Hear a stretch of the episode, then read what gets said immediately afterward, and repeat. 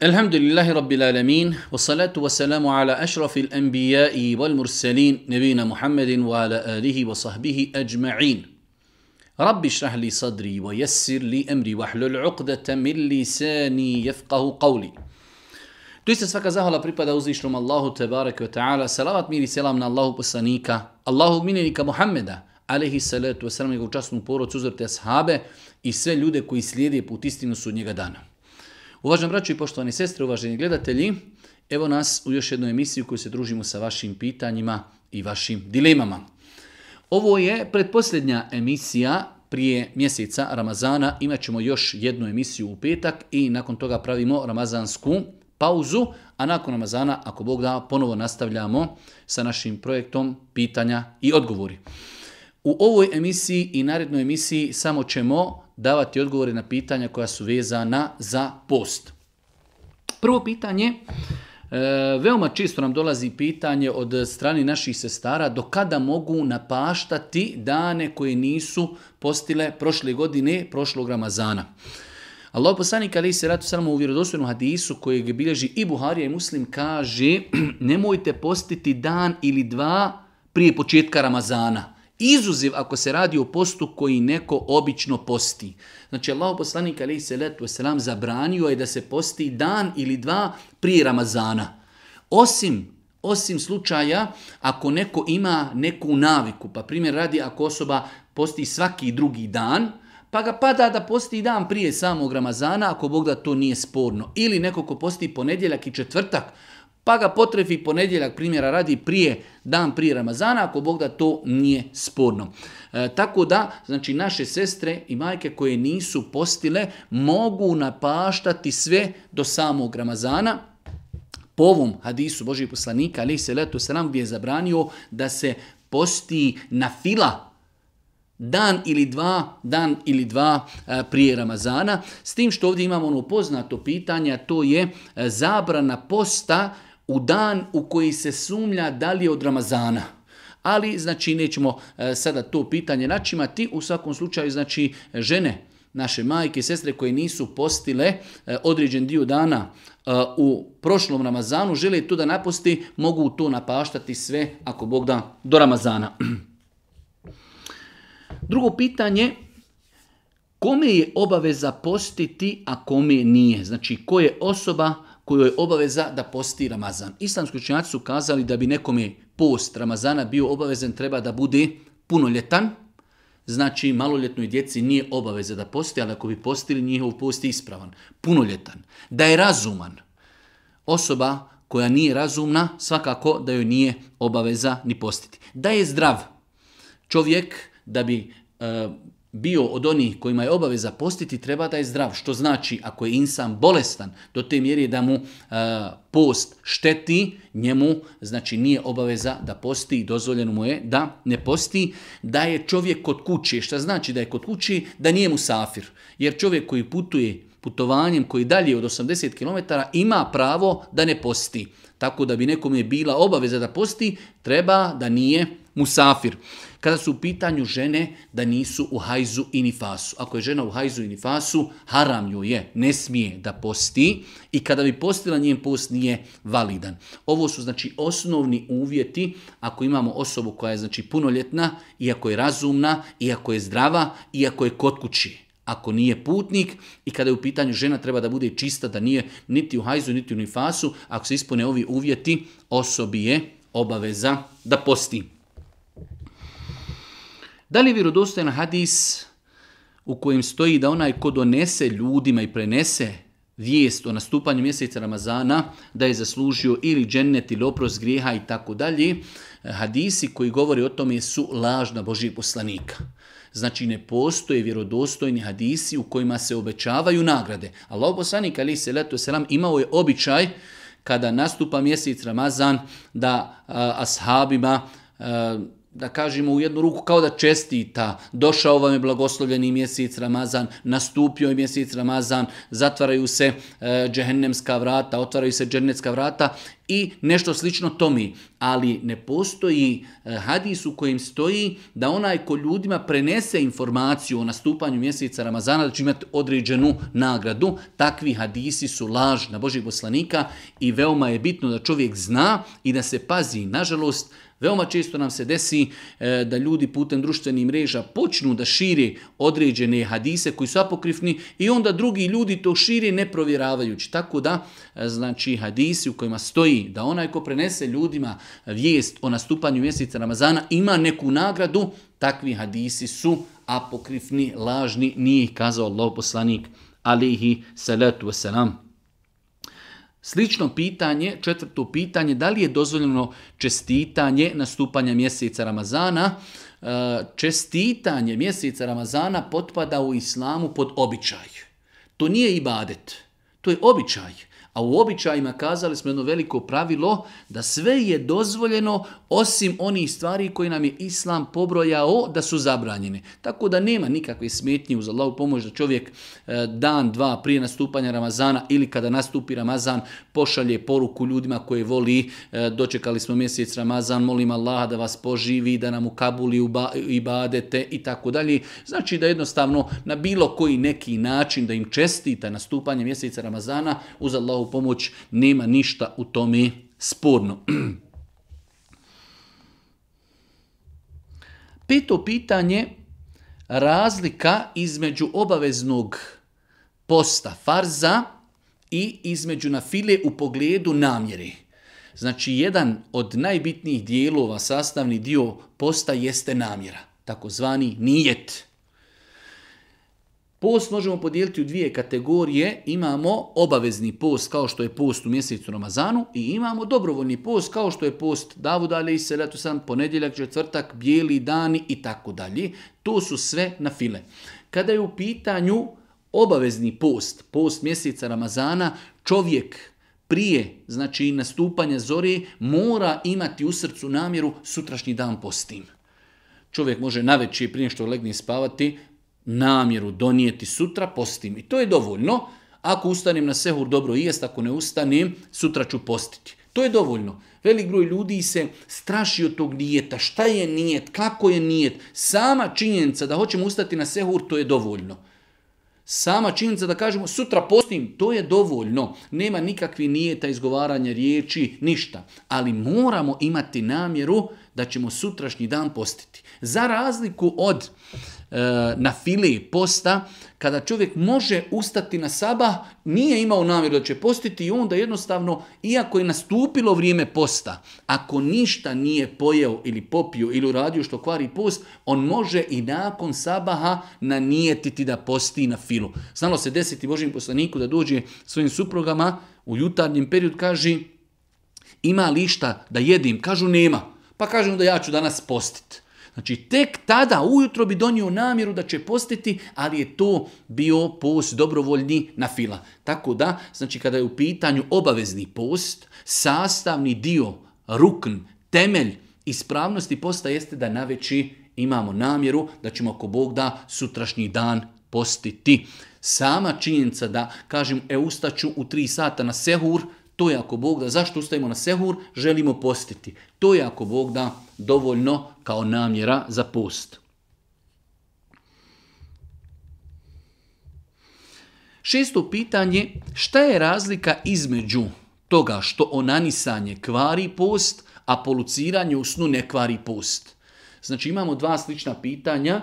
Imamo pitanje da onanisanje, masturbiranje kvari post. A imamo s druge strane, ako čovjek zaspi i doživi poluciju, nije mu pokvaren post. Kakva je razlika? Razlika je što čovjek u snu ne može kontrolisati sebe i svoje tijelo. Zaspao je čovjek, Ustao je i vidio je da je doživio poluciju. U takvom slučaju čovjek će samo otići okupati se i njegov post je validan. Za razliku od osobe koja svjesno Svjesno, znači onaniše ili masturbira, e, takvoj osobi je pokvaren post, jer je došlo u hadisu e, koji bilježi imam Buharija, da je Allah poslanik ali se ratu kazao, rekao je uzvišeni Allah, post pripada meni i ja za post posebno nagrađujem. Moj rob zbog mene, kaže, ostavlja strasti, ostavlja hranu, ostavlja piće. Kaže, Allah poslanik na prvom mjestu ostavlja strasti. Pa je znači onanisanje u kojem će doći do izbacivanja sjemena, ako dođe e, takvo onanisanje kvari i post, razlika je između onanisanja da to čovjek radi svjesno, za razliku od polucije u snu koju čovjek nije mogao kontrolisati, probudio je se, vidio je da je polucirao, samo će se okupati, njegov post je validan. Znači onanisanje u kojem je došlo do izbacivanja sjemena kvari i post, a E, polucija u snu ne kvari post. Sedmo pitanje, kakav je iskup za osobu koja pokvari post intimnim kontaktom? Znači, mi imamo stvari koje e, kvari post. Najgora stvar kojom čovjek može pokvariti post jeste intimni kontakt. Imamo vjerodostojne hadise u kojima je zabilježeno da je čovjek došao Božijeg poslaniku, ali se ratu sram kaže propao sam, uništio sam sam sebe, pa kada je poslanik upitao šta je, šta si uradio, pa kaže imao sam intimni kontakt sa suprugom u danu kada smo postili.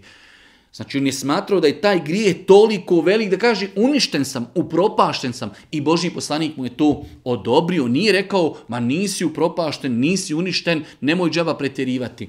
Pa je znači intimni kontakt u danu kada čovjek posti, e, znači prva stvar to je haram što je uradio, pokvario je post, treba se pokajati za tu stvar koju je uradio, treba taj dan nakon, znači, Ramazana napostiti i treba se iskupiti. Iskupljenje je na način ili da oslobodi roba, ako nema roba, kao što danas nema, treba postiti 60 dana uzastopno, odnosno dva mjeseca. Ako to čovjek zdravstveno ne može, nakon toga će nahraniti 60 siromaha, svakom siromahu će dati po kilogram i po otprilike prehrambenih artikala jednog podneblja.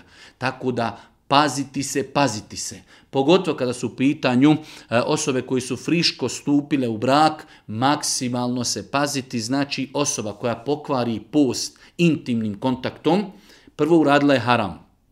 Drugo, treba da se pokaji. Treći, treba taj dan da naposti. Četvrto, treba da se iskupi. Iskupljenje je na način da oslobodi roba. Ako ne može osloboditi roba, mora postiti dva mjeseca uzastopno. Ako bi čovjek iskupljujući se za ovaj grijeh postio 50 dana i eto jedan dan kaže idem jednu, pauzu da napravim samo jedan dan, mora ponovo ispočetka. Znači dva mjeseca mora postiti uzastopno. Ako ne može, zdravstveno ili iz nekog drugog razloga, ne može prijeći na nahranjivanje siromaha ako može postiti. Ako može postiti, mora postiti. Da bi se odgojio zbog prijestupa kojeg je uradio, nakon toga, ako ne, ako ne, može, ne može postiti, onda će se iskupiti na način da će nahraniti 60 siromaha, svakog siromaha, po otprilike kilogram i po prehrambenih artikala jednog podneblja u kojem čovjek živi. Pa je najgore čime čovjek može e, pokvariti post, intimni kontakt, sve druge stvari kojima bi čovjek pokvario post, ako su već grije, samo znači čovjek treba da naposti taj dan, za razliku od intimnog kontakta.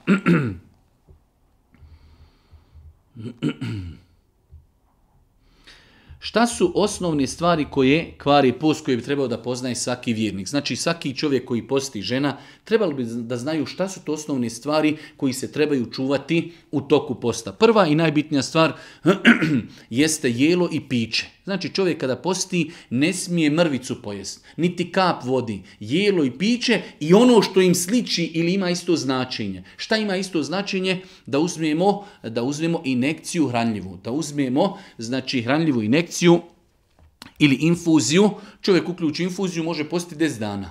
Pa infuzija, hranljiva kvaripo, znači hrana i piće, bez obzira koliko malo bilo. Druga stvar, E, duhan, šiša, nargila. Sve tri te stvari znači unosenje, unošenje u organizam određenih stvari koje u sebi sadrži dim i to kvari post. E, treća stvar, rekli smo intima. Intimni kontakt od znači perioda nastupanja sabaha pa do akšama je zabranjen. Četvrta stvar jeste slična, masturbiranje je znači zabranjeno toku posta i kvari post, namjerno povraćanje. Za razliku od nenamjernog povraćanja, što ćemo poslije pojašnjavati, namjerno povraćanje, ako čovjek stavi prst u usta i povrati, njegov post je neispravan. Žene, ako dobiju hajz ili se porode, znači nifas, e, one e, time su pokvarile post, ali nisu griješne. Jer jednostavno hajz je nešto što žena ne može kontrolirati, ali ako dobije u nekom danu hajzu kojim je posla, njen post je pokvaren, kada završi Ramazan, ona će taj dan napostiti. Od savremenih pitanja dijaliza krvi, dijaliza krvi i uzimanje krvi. Bez dijalize da čovjek dobije krv, znači imao je potrebu e, znači, e, da mu neko daruje krv i primi čovjek krv i primanje krvi i dijaliza krvi e, po jednom od mišljenja učenjaka kvari post i na kraju E, gastroskopija, da čovjek znači e, kroz usta mu unesu kameru u njegov organizam, e, kamera da bi se kretala dole po ljudskom tijelu, doktori na nju stavi određenu mast. Unošenje te masti u organizam kvari post. I na kraju, deveta stvar, pijenje tablete na suho. Određen broj ljudi smatra da tabletok uzme i popije, a da nije s vodom popio, da nije pokvario post, što nije tačno pijenje tablete, znači bez obzira bilo s vodom ili bez vode, kvari post. Deveto pitanje, propis onoga ko jede i pije u zaboravu. Jedno pitanje koje se mnogo, mnogo često postavlja jeste kakav je propis za osobu koja u toku dana kada posti zaboravi nešto, pojedi i popije. Ovo se većinom dešava u prvim danima dok se ljudi ne naviknu da posti. Propis je da je takav post validan, samo treba u istom momentu prestati kada se sjetimo i nastaviti post. Što znači, čovjek ako je uzeo e, bananu, jabuku i počeo jesti, sjeti se. Staće, izbacit ono što ima iz usta i nastaviti post. Ako je čovjek uzeo flašu, vodu, pije, čašu, pije, pije, ako se sjeti, u istom momentu mora prekinuti, ono što ima u ustima ispljunuti i njegov post je, ako Bog da validan, vjerodostojni hadisi Allahog poslanika ali se letu se nam to potvrđuju. Znači osoba kojoj se desi da je zaboravila, neka uopšte ne osjeća e, grižnju savjesti, svakome se može desiti da zaboravi, da pogriješi. Ono što je bitno, bitno je da čovjek u istom momentu stane kada se sjeti ili ako ga neko upozori i da ispljune iz usta ono što već ima u ustima, i ako Bog da da nastavi post, njegov post je apsolutno validan i ispravan.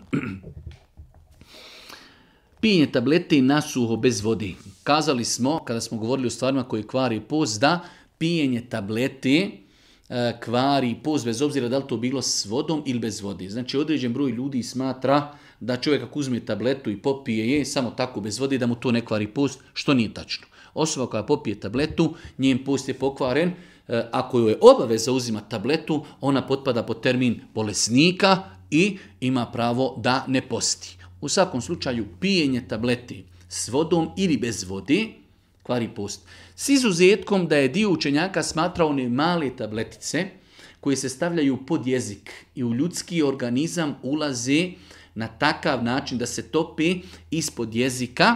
Ako čovjek takvu tabletu mora u toku dana konzumirati, trudit će se da ništa od toga ne proguta. Znači stavit će tabletu ispod jezika, čuvat će, kada se tableta znači, rastopi, e, organizam će to usisati, ali to neće ući u organizam na usta. Nakon toga znači e, dio pljuvačke koji je e, pomiješan sa tabletom, to će ispljunuti i ako Bog da njegov post je validan. 11. pitanje Mnogo, mnogo puta nam se postavlja pitanje post, propis posta za žene dojilje i trudnice. Mnogo puta nam ljudi i žene postavljaju pitanje mogu li postiti, ja sam trudna, mogu li postiti i tako dalje. Kao da je uvjerenje ne smije žena koja je trudna ili e, koja doji dijete da ne smije postiti. Obrnuto. Žena koja je trudnica i žena koja doji dijete, one u osnovi potpadaju pod naredbu posta. Ovo moramo naučiti, ovo je jedno veliko pitanje, veliki propis. Osnova je da se na ženu koja je trudna i na ženu koja doji dijete, na nju se odnosi riječ uzvišnog Allaha, o vjernici, propisuje vam se post. Post je naređen onaj koji je punoljetan, koji je zdrav, koji nije musafir i tako dalje. Tako da žena koja je trudna i žena koja je dojilja, njima je obaveza postiti. E sada, izuzetak istoga da žena kaže e, imam problema, povraćam, slaba sam, doktor mi je rekao da ne smijem postiti i tako dalje. Ili žena dojilja kaže jednostavno ako budem postila, e, nestaće mi mlijeka, dijetu moram davati mlijeko i tako dalje. Tada one neće postiti, ali potpadaju tada pod vid potrebe i pod vid bolesnika. Ali osnova je da žena trudna treba pokušati postiti, žena koja doji treba pokušati postiti. Ako se ispostavi da ne mogu postiti, da im to šteti, da šteti njihovom djetetu, tada neće više postiti. Ali osnova moraju pokušati postiti. Post čovjeka musafira koji putuje avionom i ne osjeti poteškoću e, posta na putu. Imamo ljude koji danas avionom, primjer radi, i idu iz Bosne za, evo, Istanbul. Saha po putovanje, ugodno, nikakvog napora nema. Da li takav insan ima pravo da ne posti? Da. On potpada pod kategoriju riječi, termina, musafir. Uzviš Allah tabaraka u Kur'anu je dozvolio ljudima koji su musafir da ne posti. Nije nigdje spomenuto putovanje ako se mučiš na putu ili ako se ne mučiš, ako je ugodno, ako nije ugodno, ne. Općenito. Kogod putuje putovanjem koji je dalje od njegove kuće od 80 km, on ima pravo da ne posti. E sada, svakako da je ljepši da čovjek posti ako mu putovanje nije teško. Čovjek putuje u Istanbul ili u Frankfurt ili u Njemačku ili u Švicarsku, putuje u autu, u avionu, klimatizirano, uopšte ne osjeti nikakav problem. Bolje je da čovjek posti zato što je to blagoslovljeno vrijeme Ramazana. Ali, da čovjek kaže jednostavno, meni je gospodar dozvolio da ne postim, bez obzira što ja letim u avionu, bez obzira što vozim se u autu, ja putujem dalje od 80 km, ja neću postiti, nikomu nema pravo prigovoriti na tome. On potpada pod termin musafira i ima pravo da ne posti. Bitno je da putuje dalje od 80 km. Tako ako vidite osobu koja jednostavno u Ramazanu, u avionu je i nešto jede i pije, nema potrebe da mu čovjek, da kažemo, da ga kritikuje, jednostavno to je njegovo pravo. To je njegovo pravo. Trinaesto pitanje, odrednica bolesti zbog koje čovjek može da ne posti. Veoma često čujemo da u islamu je dozvoljeno da ne poste i bolesnici. A da li znači da svaki bolesnik ne treba posti? Kažu islamski učenjaci, postoje tri kategorije bolesnika. Imamo bolesnike koji kada bi postili, dovode svoj život u pitanje. Imate ljudi, znači takva je bolest, da ako bi čovjek postio, ne bi konzumirao određene e, tablete, dovodi u pitanje svoj život. Takvom čovjeku je haram postiti. Dovoditi svoj život u pitanje postom je haram. Imamo kategoriju ljudi kojima je post mnogo težak, imao bi velike glavobolje, velike probleme, e, usporio bi ozdravljenje i tako dalje, takvim ljudima je dozvoljeno da ne posti. Ako bi postili, post im je validan. Za razliku od prve kategorije kojima je haram da posti, ako bi čovjek dovodio svoj život u pitanje. Imamo treću kategoriju ljudi koji su samo jezički, za njih se kaže bolesni. Čovjek boli ga prst, ali to nema nikakve veze sa postom, posjekao se ili je malo prehlađen ili ga malo boli zub i tako dalje. Znači, ako je u pitanju e, malehna bolest koja nema nikakve veze sa postom, onda je čovjek obaveza da posti. Ako je u pitanju žestoka bolest, Čovjek ako bi postio, njegov post bi bio validan, ali ima pravo da ne posti. Imamo treću kategoriju e, bolesnika. Čovjek ako bi postio, dovodi u pitanje svoj život, takvom insanu je haram da posti. Tako da, znači, dosta puta nam ljudi šalju e-mailove, šeh imam li ja pravo, ovo je moja situacija. Svako treba da sebe ocjeni. Ako je teško mu podnositi post, ako ima bolove, ako mu post usporava ozdravljenje, ako će čovjek trpiti žestoke bolove, ima pravo da ne posti. Pogotovo ljudi e, u datom momentu imaju obavezu da u toku dana piju tablete. Ne mogu pomjeriti pijenje tableta na sehur i na iftar. Osobe koje dnevno moraju piti tablete, to su bolesnici koji imaju pravo da ne posti. Mnogo puta ljudi postavljaju pitanje u pogledu doticanja žene, pa i strastveno doticanje žene, poljubac ženi. Da li kvari post? Imam vjerodostojne hadise da, da su žene Božih poslanika, od kojih Aisha i drugi da su govorile, kaže Kane ne biju vahu osaim. Allahu poslanik je znao poljubiti neku od svojih supruga, a bio je postač. Tako da e, doticanje žene, rukovanje sa svojom suprugom, zagrliti suprugu, poljubiti suprugu, e, ništa od toga ne kvari, ništa od toga ne kvari pust, sve dok ne bi došlo znači do ejakuliranja, izbacivanja sjemena, tada je pust pokvaren, a mimo toga znači da čovjek i leži sa svojom suprugom i da je zagrli i da je dodiruje i da je poljubi, sve te stvari su dozvoljene, svakako treba se paziti, pogotovo kada smo govorili e, šta je najgori čime čovjek može pokvariti post, rekli smo intimni kontakt, pogotovo ljudi koji su friško stupili u brak, ne trebaju se igrati oko takvih stvari jer jednostavno čovjek možda u početku e, neki predigri sa suprugom i ne razmišlja o tome, a možda na kraju završi, ne daj Bože, da e, pokvare svoj post intimnim kontaktom, pa onda nakon Ramazana e, moraju postiti dva mjeseca, 60 dana, što je veoma teško, tako da insan treba da se pazi, ali propis je propis. Da li čovjek koji kada krene na posao ima pravo da poljubi svoju suprugu? Svakako da. E, da dotakne suprugu, da je pomiluje, da leži sa njom. Ništa od toga ne utječe na validnost njegovog posta. Sve dok ne bi došlo do ejakuliranja sjemena. da li žvakanje žvaki u toku posta kvari post? da. Žvakanje na današnjih poznatih žvaka koje u sebi imaju različite sastojke i šećere, e, znači koji čovjek guta sa svojom pljuvačkom u svoj organizam, e, konzumiranje, žvakanje takvih žvaka u toku posta, e, kvari post. Nemoj da se e, poigravamo pa da kažemo e, nismo mi ništa progutali, jesmo sa svojom pljuvačkom smo progutali šećere koji se nalazi u tablet, u koji se nalazi u žvaki ili kada ljudi filozofiraju pa kažu konzumiranje duhana ili nargile ne kvari zato što mi ništa nismo pojeli, dim to, bukvalno to je zrak, sve to filozofiranje, konzumiranje duhana Eh, elektronskih cigareta, nargili, isto tako žvakanje žvaka koji u sebi imaju šećere, kvari post.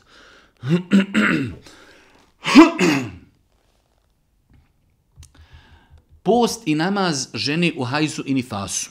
u zadnje vrijeme počela je da se širi jedna groznica ljudi koji negiraju sunet Božijeg poslanika pa kažu da žena u hajzu može postiti i da je njen post e, ispavan, što nije tačno. Znači, žena treba da zna ako je dobila mjesečnicu u Ramazanu, to je Allahov kader, Allahova odredba nije griješna. Nije griješna, to ona nije mogla kontrolirati. Haram je ženi da posti u mjesečnici. Kada bi postila njen post nije validan i opet ga mora nakon Ramazana napostiti. Zato žene koje dobiju mjesečnicu u Ramazanu, dok se ne okupaju, ne posti i ne klanjaju. Ne klanjaju i ne posti s tim što e, nakon Ramazana će e, dane koje nisu postene postiti, a namaze neće naklanjavati. Nemojte da vam neko prospi priču, E, znači kako žena u hajzu treba da posti zato što je to kao zabranjeno samo što njoj slabi tijelo i tako dalje znači vjerodostojni argumenti konsenzus islamskih učenjaka ženin post kojeg bi postila u hajzu je neispravan uradila bi haram i opet te dane koje je mučila se u hajzu postila mora napostiti. Tako da žena koja znači dobije hajz ili nifas, to nisu stvari koje je ona mogla, mogla kontrolirati to je Allahova odredba, u znači tom periodu ne smije postiti, kada završi Ramazana postiće te dane i mirna posta. Veoma često nam se postavlja pitanje od strane osoba koje uzimaju inzulin. Da li inzulin sam po sebi kvari post ili ne? Mi imamo dva pitanja koja, nažalost, veli groj ljudi miješa. Jedna je stvar kazati insanu da mu je obaveza postiti, a drugo je kazati da li inzulin kvari post. Inzulin sam po sebi potpada pod kategoriju inekcija koje nisu hranljive. To je lijek. Inzulin čovjeka ne hrani. Inzulin reguliše e, šećere u čovjekovom tijelu, nije hrana i samim tim sam inzulin po sebi ne kvari post. Da li osoba koja uzima inzulin ili da li može postiti ili ne, to je drugo pitanje. Ako ne može postiti, potpada pod kategoriju bolesnika. Ako može postiti i uzimati inzulin, njen posti ako Bog da validan. Tako da e, nekada se ljudi e, iznenade, kaže, čuj, čovjek uzima inzulin i još e, posti. Ako čovjek može zdravstveno, imate ljudi koji su zdravi, koji su jednostavno jaki, mogu da postoje, uzmaju inzulin i žive pod zacima normalnim životom, nema nikakve smjetnje da osoba u toku dana kada posti uzme inzulin i njen posti, ako Bog da, validan. Jedno veoma teško pitanje, a opet s druge strane bitno, a to je Dešava nam, se, dešava nam se da čujemo za osobe koji postavljaju pitanje da li je ispravan post osobi koja ne klanja. E, namaz u islamu je najbitniji ibadet. I ostaviti jedan namaz je jedan od najvećih grijeha koji čovjek može uraditi. Ali džumhur islamskoj čenjaka je smatrao da čovjek ako ostavi namaz iz ljenosti, veliki je griješnik, ali je musliman i dalje zbog riječi la ilaha illallah, zbog sadake, zbog bajrama, zbog kurbana i tako dalje. Tako da ne treba ove dvije stvari vezivati jednu za drugu. Čovjek koji dođe i kaže ja bi postio, ali ne klanjam. Njemu treba kazati Allah te nagradio, to što radiš je dobro, ali de još samo počni redovno klanjati. Ali ne treba mu kazati nemoj ti postiti, tvoj post nije ispravan zato što ne klanjaš. Ovo je zaseban ibadet. Tako da, ako imate slučajeve od prijatelja, poznanika, rodbine koji poste, a ne klanjaju, nemojte im govoriti da im post nije validan. To je odvojen ibadet. Post je inšala validan, ali tim ljudima treba na lijep i blag način kazati evo, alhamdulillah, učvrstio si jedan temelj Islama, to je post. Hajde sad još Nelogično je da uspostavljaš jedan stup islama, a onaj koji je bitniji od njega još ga nisi uspostavio. Pa ako ništa za početak, počni da klanjaš farze. Samo farze i post. Tako da, duboko se nadamo da osobe koje posti, a ne klanjaju da je njihov post validan, nikako to ne znači da opravdamo što ne klanjaju. Neklanjanje namaza je jedan od najvećih grijeha ali isto tako tog čovjeka treba ostaviti u vezi sa Allahom. Njegova veza sa Allahom je post. Insan koji posti ako Bog da, to su vrata putem koji će ako Bog da eh, početi i redovno klanjati. Isto slično pitanje, eh, šta je bitnije?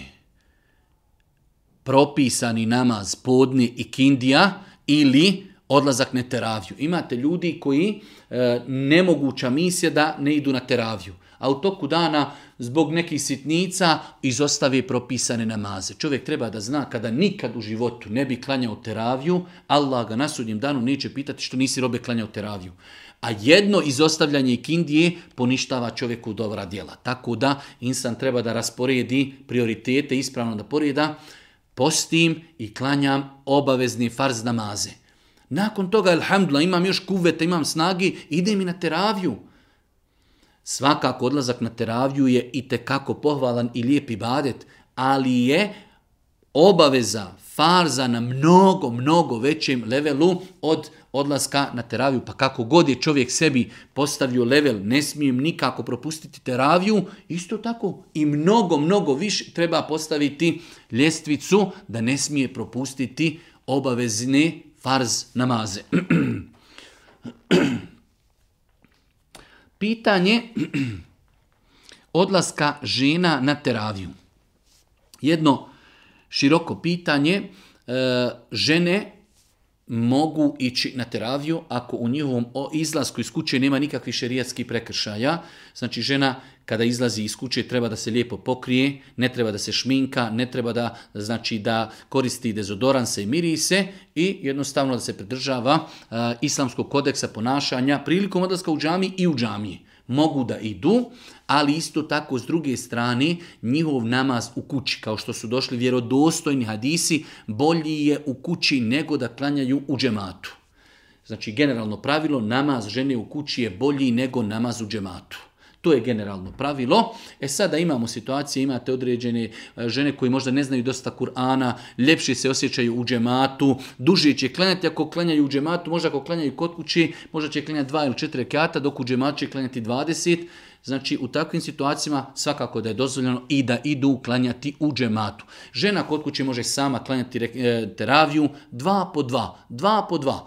Može na jednom rekiatu proučiti sve sure koje zna, ako zna 5-6 sura. Može ponoviti jednu te istu suru deset puta. Znači, na prvom rekiatu ponovim deset puta suru kolhuvala. Ne znam više sura, ponovit ću pa ću ići na drugi rekat i tako dalje. Znači žena može klanjati sama, kod kuće teraviju, može u džematu sa svojim čerkama, sa svojim sestrama klanjati džematile u kući, a mogu isto tako ići u džamiju, ali ženi namaz u kući, jasni su došli hadisi Božih poslanika, ali se leto nam su više vrijedni nego namazi koje klanja u džamiji.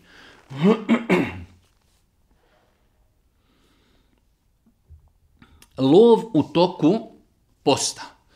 Lov nema nikakve veze sa postom. Znači čovjek koji posti u toku dana može ići u lov, može zaklati kravu, može zaklati ovcu, može uloviti nešto. Znači to su stvari koje nemaju nikakve veze sa postom, ali eto jednostavno ljudi nekada boje se da će uraditi nešto što je e, neispravno pokvariti svoj post pa postavljaju ovakva pitanja. Smijem li to i to raditi u toku posta? Smijem li to i to raditi? Jedno od tih pitanja jeste smije li čovjek raditi u mjesnici, zaklati životinju, smije li čovjek nešto loviti u toku posta? Nema nikakve smetnje da čovjek u toku toku posta zakolje neku životinju tima smetnje da se čovjek bavi u toku posta lovom. Svakako da ne govorimo da čovjek kada e, ide u lov treba da pazi i na propise lova, ali isto tako da pazi na svoj namaz. Intimni kontakt nakon iftara. Nažalost, imamo i osoba koje postavljaju pitanje da li čovjek i žena u toku mjeseca Ramazana nakon iftara imaju pravo da imaju intimni kontakt. Nažalost, imamo i takvih pitanja, apsolutno da. Znači, od momenta kada e, zađe sunce, od momenta kada se iftarimo, ima znači čovjek pravo sve do nastupanja zori da ima intimni kontakt sa svojom suprugom, čak do te mjeri da čovjek kada bi znao da je zašlo sunce i znači vrijeme mu je da se iftari, ima pravo čovjek i ne bi napravio nikakav grijeh da se iftari prek, svoj post prekine sa intimnim kontaktom. Nema ništa u tome sporno, znači od prekidanja posta, zalaska sunca, pa do pojave zori toku noći čovjek ima pravo da ima intimni kontakt, pa čak određene osobe ne znaju da čovjek ima pravo u toku noći da, e, da jede nekoliko puta. Znači imate osobe koje misli samo smijem iftariti, nakon toga više ništa ne smijem jesti, što apsolutno nije tačno. Kada iftarimo, poslije iftara možemo piti kafu, možemo opet nakon toga još jednom večerati, možemo se huriti i tako dalje. Sve je to dozvoljeno, to je period od nastupanja akšama do pojave zore je period kada smijemo jesti, piti i imati intimni kontakt. 23. pitanje, pitanje vrste injekcija u toku posta. mnogo je, mnogo je pitanja koja dolaze, a koja se vezuju za ovu tematiku, a to je vrste injekcije. Imamo injekcije, čovjek treba, uh, hoće da vadi zub, pa daju mu anesteziju ili inekcija za bolove ili e, znači različite danas imamo vrste injekcija pa su kazali islamski učenjaci postoje dvije vrste injekcija imamo one koje su hranljive i one su u značenju jela i pića kao vid infuzije, jednostavno čovjek je bolestan, ne može da jede, daju mu injekciju koja u sebi ima hranljive sastojke, on od te inekcije jednostavno dobije snagu, dobije e, život, da jednostavno nema potrebe niti da jede i da pije. Takve inekcije kvari post. Znači svaka inekcija koja je hranljiva, koja nadomještava čovjeku hranu, piće, takva inekcija kvari post, bez obzira što je čovjek nije progutao na usta. Imamo drugu kategoriju, inekcija, to su inekcije koje e, ne nadomještavaju čovjeku hranu i pić i nisu u tom značenju injekcije protiv bolova, injekcije kao lokalna anestezija i, ili vakcinisanje. Sve te stvari, sve te vrste injekcija, one jednostavno nisu u značenju jela i pića, niti čovjeku nadomještavaju jelo i piće. Čovjek koji ima problema s bolovima, ona koji je gladan, dobije injekciju znači za ublažavanje bolova, glad i dalje ostaje, ali on ublažio bolove. Tako da te injekcije, te injekcije, lokalne anestezije ili vakcine u toku posta ako Bog da ne kvari post. Ako Bog da ne kvari post. Jedno veoma često pitanje koje se postavlja, a vezuje se za pust, jeste da li u toku dana čovjeku dozvoljeno da konzumira, odnosno da e, pere zube, ali koristeći pastu za zube. E, ispravno i tačno je da usta čovjekova insana, znači uzimaju propis vanjskih dijelova tijela. Kao što nam je dozvoljeno oprati ruke sa sapunom, isto tako nam je dozvoljeno da perijemo zube i da koristimo pastu za zube. S tim, pošto je, znači usta su blizu grla, čovjek mora paziti da ništa ne proguta. Znači perijemo zube, stavili smo pastu i nekoliko puta ćemo isprati usta nakon što smo oprali zube kako znači ne bi ništa od, od tragova pasti progutali. Tako da korištenje misvaka uzima isti propis, znači e, znaju ljudi šta znači misvak, pogotovo e, svjež misvak koji u sebi ima e, znači tečnost, ima sok. Čovjek može u toku dana da čisti zube, ali treba da onu tečnost od misvaka ispljune. Isto je znači pitanje za korištenje pasti za zube. Čovjek može koristiti, ali mora paziti da E, ništa od toga ne proguta. Ginekološki pregled za žene u toku posta. Često se dešava da žene imaju zakazane termine koji ne mogu kontrolisati, e, jednostavno u danu kada poste treba da imaju ginekološki pregled. Da li takvi pregledi kvari post? Ne. Znači unošenje određenih e, medicinskih sprava pinceta ili neki aparata u osnovi ne kvari post i nema nikakve veze sa postom. Tako da e, svakako ako osoba ima mogućnost da napravi termin nakon iftara, svakako da je to lijepo da uradi, ali ako nema mogućnost, znači pogotovo kada se termini nekada čekaju i mjesecima, nema nikakve smetnje da u toku dana kada žena posti ima ginekološki pregled. 26. pitanje, propis gastroskopije i kolonoskopije. Gastroskopija je unošenje kamere u ljudski organizam putem usta. Rekli smo da prilikom e, gutanja te kamere na kameru se stavlja određena masnoća i tečnost koju čovjek osjeti u svome organizmu i zbog toga su sam stručnjaci kazali da to kvari post. Svakako insan e, kada posti ako može taj termin da napravi ili mimo Ramazana ili u periodu ako se radi o privatnim klinikama, poslije iftara. Ako ne može, mora tada otiže s njim, ima potrebu, ima bolove, on taj dan znači je bolesnik, uzima propis bolesnika, ima potrebu, on taj dan znači ne posti i završena stvar. Ali e, znači gastroskopija, pregled gastroskopije kvari post.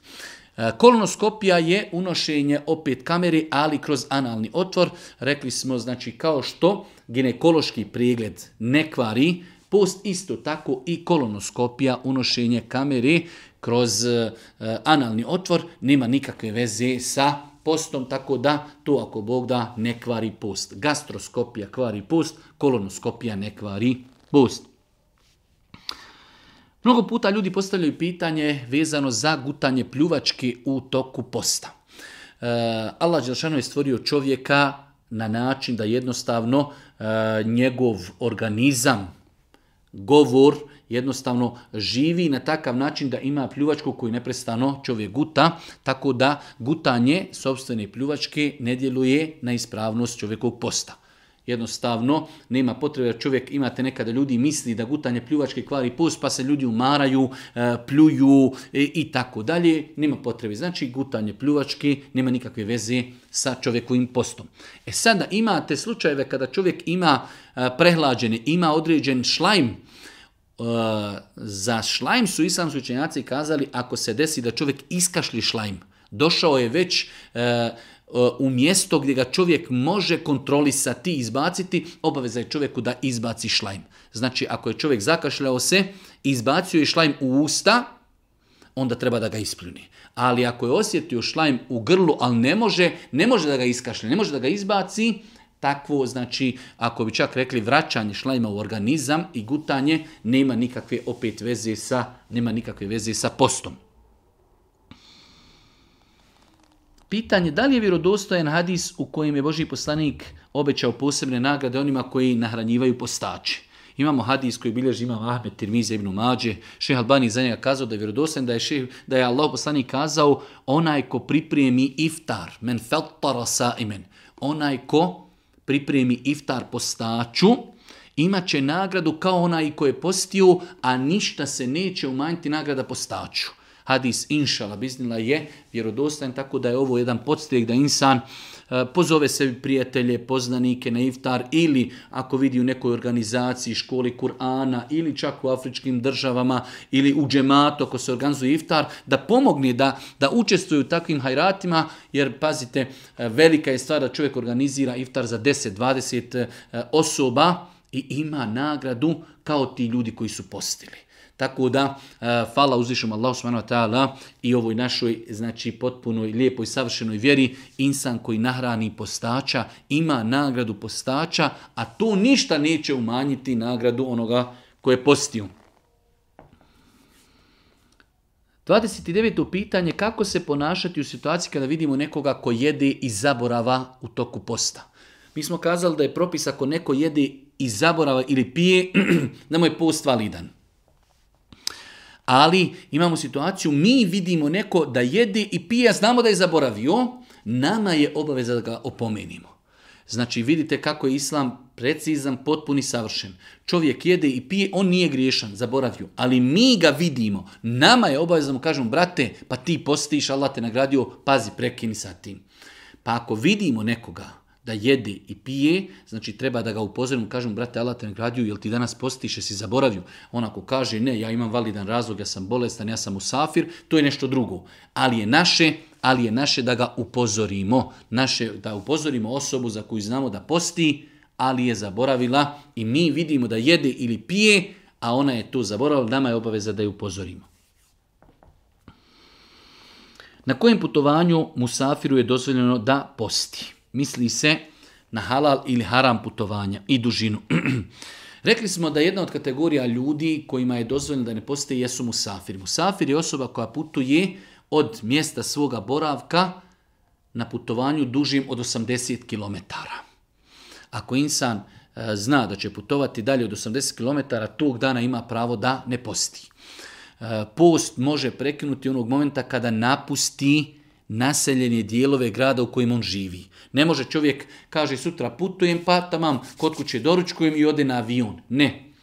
Čovjek ako će putovati, tek kada avion poleti, s aerodroma gdje je krenuo, od tada postaje musafir ili ako je u pitanju auto, ako vozi auto kada izađe iz svoga grada, on više nije musa, on je više musafir i može da ne posti, ali pod uvjetom da zna da putuje dalje od 80 km. To je jedna odrednica, znači da znamo da ćemo putovati dalje od 80 km, imamo pravo kod kuće pokvarti post, već onog momenta kada napustimo naseljeni dio grada u kojem mi živimo. Kada izađemo, čovjek iz Sarajeva, kada izađe na autoput, prošao je naplatni kućice, on ako putuje dalje od 80 km ima pravo da prekini post.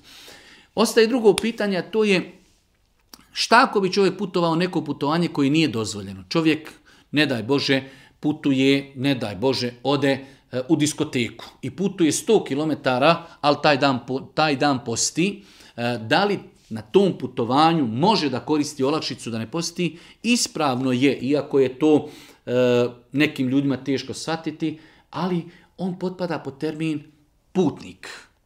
On ako putuje dalje od 80 km, on je putnik, bez obzira da li to gdje ide je halal ili haram, on ima e, mogućnost korištenja ovlast, e, povlastica i privilegija, olakšica koje Allah Đeršanu dozvolio svojim robovima da koriste na putu. Tako da, e, bez obzira gdje bi čovjek putovao, ako putuje dalje od 80 km, on ima pravo da ne posti i ima pravo da koristi olakšice putovanja.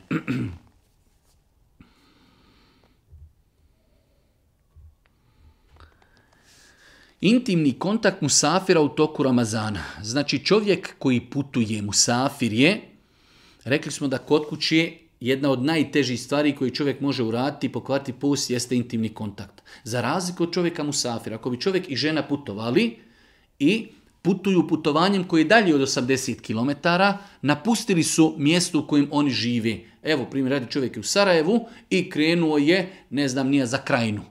Krenuo je preko Zenci, dok izađe iz Sarajeva naplatne kućice, autoput, on više nije mu safir. On više, znači, nije mu obaveza postiti ako hoće, on je na taj moment je posjeo da bude mu safir putnik, on od tog momenta može da više da ne posti. Da li će postiti ili ne, to je drugo pitanje. Ali ako ne posti, popio je čašu vodi i on taj dan ima pravo, ima mogućnost da ima intimni kontakt sa svojom suprugom. Znači, čovjek ako putuje sa svojom suprugom u mjesecu Ramazanu, ako putuju putovanjem koji je dalje od 80 km, onog momenta kada napusti naseljeni dio svoga grada u kojem oni žive, oni počinju da se broje da su musafiri, imaju pravo da jedu, imaju pravo da piju i samim tim imaju pravo i da imaju intimni kontakt. Da li smrt u Ramazanu znači da je postać zbog toga dženetlija? Imate jedno uvjerenje kod eh, našeg naroda da insan koji umre u Ramazanu da je to dženetlija, što nije tačno. Znači čovjek može da umre u Ramazanu i da bude u najvećim dubinama džehennema. Može biti licemir, možda nije klanjao i tako dalje. Tako da sama smrt po sebi da umre čovjek u Ramazanu ne znači 100% uspjeh. Ono šta imamo vjerodostojne argumente jeste da insan koji umri u toku ibadeta, da se za takvog insana pripremaju posebne nagrade i nadamo se mi hajru, jer insan kada umri u ibadetu, to je jedan od pokazatelja lijepe završnici. Pa imamo vjerodostan hadis da je Boži poslanik kazao korektni la ilaha illallah i time mu bude završen dunjalički život. Znači zadnje riječi rekni la ilaha illallah kaže dehal al dženne. Takva osoba će ući u džennet. Men same jeumen ibtigae vođhin lahi hutime lehu bihi dehal al dženne. Onaj ko bude postio, i na taj način mu budu zapečaćenja njegova djela. Umri u danu kada posti, kaže Allah poslanik, taj će čovjek ući u džennet. Imamo zadnji, e, treća stvar, mento saddeka, onaj ko dadne sadaku, želeći time Allahovo lice i time mu tom bude zadnje djelo koje radi, taj će insan ući u džennet. To je vjerodostojan hadis, tako da e, sama činjenica da je neko umro u Ramazanu ne znači ništa. Može čovjek biti munafik i umri u Ramazanu, ništa, znači to mu ne znači ništa, ali ako čovjek umri u danu kada je postio, to je pokazatelj, pokazatelj da je lijepo čovjek preselio. Nadamo se, molimo Allaha da mu ukabuli i da mu oprosti. 33. pitanje. Korištenje vaginaleta i čepića za skidanje temperature u toku posta. Osnova je znači da ovakve stvari e, nemaju značenje ni hrani ni pića, niti ulaze u ljudski organizam putem, e, znači klasičnim standardnim putevima za unošenje hrane, a to su usta prvenstveno i nos. Tako da, znači žene koje imaju potrebu E, za korištenjem vaginaleta ili muškarci ako imaju potrebu ili žene e, za čepićima e, koji se stavljaju u analni otvor ako ti čepići nisu hranljivog sastojka znači ne nadomještavaju čovjeku hranu i piće ako Bog da takve stvari u toku posta ne kvari post. Znači zato što one ne ulaze u organizam prije vima kojim se unosi organizam hrana i piće. S druge strane, nisu u značenju ni hrane ni pića, niti nadomještavaju čovjeku hranu i piće, samim tim ako Bog da takve stvari, znači kod žena vagina lete ili e, znači čepići koji se e, koristi e, na način što se stavljaju u analni otvor, takve stvari ako Bog da ne kvari post. Pojašnjavali smo, ali evo nek to bude predzadnje zasebno pitanje, kada musafir ima pravo da prekine post. Rekli smo da musafir ima pravo da prekine post onog momenta kada napusti naseljeni dio grada u kojem on živi. Neispravno je, a imate takve slučaje, čovjek kaže sutra putujem i kod kuće ustani u 8 sati, doručku i kreni na put. To je neispravno, to je haram. Čovjek Prvo treba da zna da će putovati 80 km, na nijetju idem na putovanje i druga stvar mora izaći iz grada. I rekli smo, evo primjera Sarajevo, čovjeka koji je krenuo prema Zence, koji je krenuo prema Krajini, onog momenta kada nastupi na autoput, ostavio iza sebe grad, ostavio iza sebe naselje, krenuo je znači prijedeljima gdje više nema naselja od grada u kojem on živi, tada on ima mogućnost da uzme da nešto pojede popije jer je mu safir i ne mora postiti. Prije toga dok se vozi kroz grad, čovjeku je zabranjeno da posti, e, zabranjeno je da pokvari pust. Isto je pitanje za aerodrome. Ako se aerodrom nalazi unutar grada, kao što je primjer radi Sarajevo, ne smije čovjek pokvariti post još dok je na aerodromu. Kada avion poleti, e već tada može pokvariti svoj post. Za razliku od aerodroma imate u svijetu E, gradove gdje su aerodromi izvan grada, 30, 40, 50 km, tada čovjeku kažemo onog momenta kada izađeš iz grada, krenuo si na aerodrom, kada izađeš iz grada ti se brojiš musafir. Posljednje pitanje, isticanje krvi iz rani ili nosa, da li kvari post? Znači čovjeku se desi u toku dana da se posjeće ili poteče mu krv iznosa da li to kvari post? Ne kvari isticanje krvi iz rane ne kvari sigurno, isticanje iz nosa, znači čovjek treba da se potrudi da ništa od toga ne proguta. Ali samo po sebi isticanje krvi iz nosa ili iz rane, da se čovjek povrijedi i da se posjeće, te dvije stvari ne kvari post, s tim što čovjek treba da se pazi ako je u pitanju krvarenje na nos, da ništa od toga ne proguta. Allah subhanahu molimo da nam podari korisno znanje, molimo subhanahu da nam olakša post u mjesecu Ramazanu i na kraju subhaneke, Allahumma da bihamdike, ešhedu en la ilaha ilan stakfiruke wa etubu ilik.